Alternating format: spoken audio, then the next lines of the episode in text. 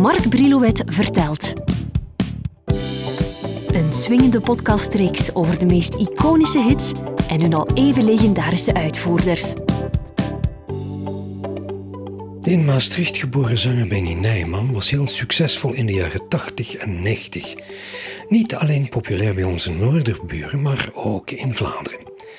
Bij ons scoorde hij twee keer met Vrijgezel in 1981 en vier jaar later met Waarom fluister je naam nog, zijn enige nummer 1 hit in Nederland. Benny Nijman was in de jaren 80 een van Nederlands meest populaire zangers, samen met onder andere Rob de Nijs. Benny overleden 7 februari 2008 op 56-jarige leeftijd in het Nederlandse Soesterberg. De man was toen al een tijdje ziek, maar zijn plots heengaan had toch niemand verwacht. Zijn grootste hit scoorde Benny in 1985 met Waarom fluister ik je naam nog, een nummer 1 in de Nederlandse top 40 en bij ons in de Ultra Top 50 de 7 september van dat jaar goed voor een vierde plek. Benny schreef de tekst van Waarom fluister ik je naam nog op een melodie van de Griekse componist Nikos Ignatiadis. Dat nummer komt uit de LP Het Zwarte Goud, verwijzend naar de jaren dat Benny's vader mijnwerker was. Op die plaat onder meer ook Blijf vannacht bij mij, een nummer van de hand van Henny Vrienden van de populaire band Doe Maar. De LP Het Zwarte Goud werd in de Wisseloord Studios opgenomen met als producer Willou B. We gingen die opzoeken en bij het noemen van de naam Benny Nijman pikt Wil meteen in bij het moment dat Benny al behoorlijk ziek was. Hij zal iets later aan kanker sterven. En wat trieste noot bij dat verhaal is dat Wil zelf vier jaar later aan de gevolgen van darmkanker zal overlijden. Wil is dan 64, op dat moment gehuwd met José, een van de zangeressen van het bekende Nederlandse trio Love. Benny is ook eigenlijk een hele bescheiden verlegen man geweest altijd. En uh, feestjes vond hij allemaal niks. Ik heb hem uitgenodigd op een vijftigste verjaardag. Nou, dan belde die of hij stuurde een plan. Zei wil, ik hou er niet van, je weet het. En uh, eigenlijk uh, heb ik hem twee of drie keer de laatste tien jaar of zo uitgenodigd. Hij is nooit gekomen. Tot mijn laatste verjaardag. Dat was in juli dit, vorig jaar. En toen is hij gekomen. Niet wetende dat hij toen al zo ziek was. Want dat heeft hij niet gezegd. En dat wist hij zelf ook niet. Hij voelde zich niet lekker, moe. En, maar hij is ziekenhuis in geweest en ziekenhuis uit geweest. Maar ze zeiden, ja, het is, we kunnen niks vinden. Volgens mij, volgens hem was het hernia, pijn in zijn rug. Dus, uh, ja, dus hij was nog op een verjaardag geweest. En wij zitten hier wat te eten. En de televisie staat aan. En op SBS Show Nieuws wordt in één keer gezegd... Benny Nijman ernstig ziek. Nou, José en ik keken elkaar aan. Hij is nog op een verjaardag geweest. En niks, niks over gehoord. En dus toen, op hetzelfde moment ben ik naar de telefoon en gebeld. Toen keek Hans, zijn vriend, aan de telefoon. En die vertelde toen heel serieus dat het heel ernstig was.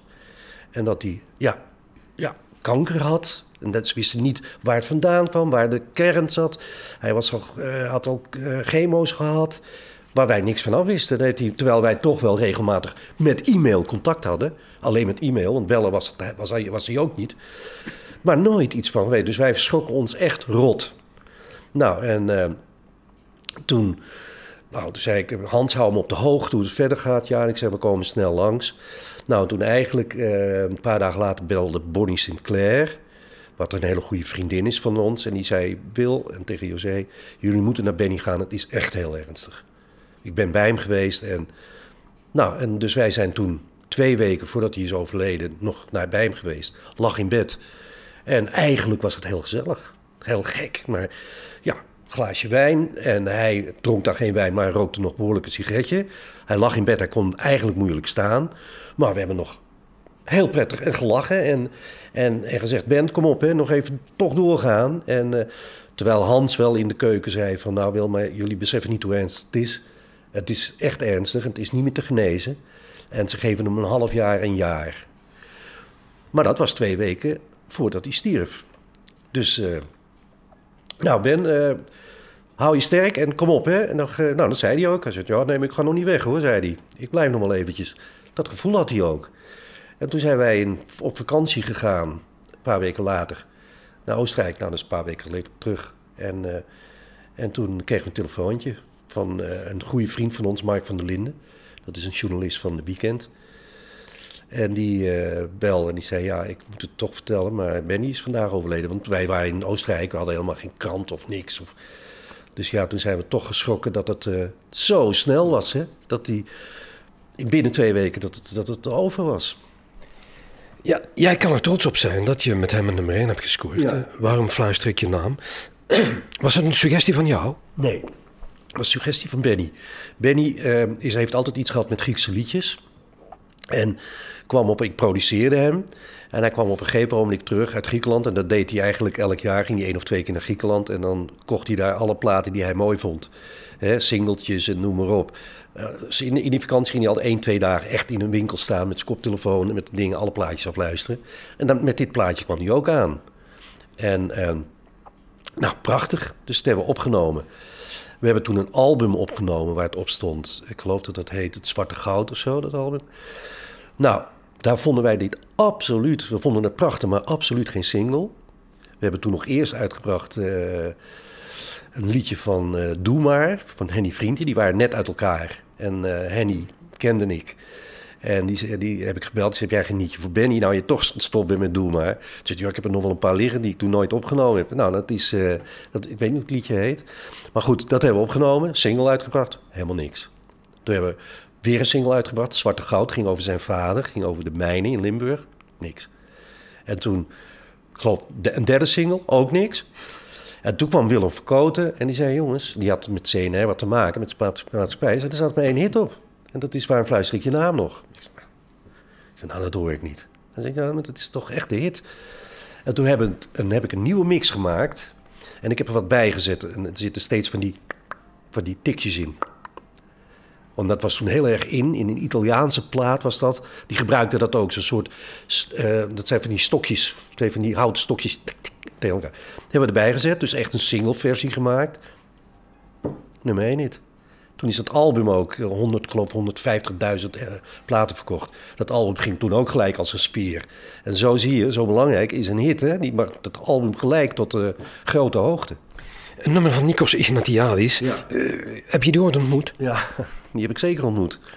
Uh, nou, de, om daar verder even op door te gaan. Op een gegeven ogenblik plaatst dat nummer 1. Ik vaak tegen Benny zeggend van... nou, Nikos Ignatiadis... die man moet die weten wat er gebeurt.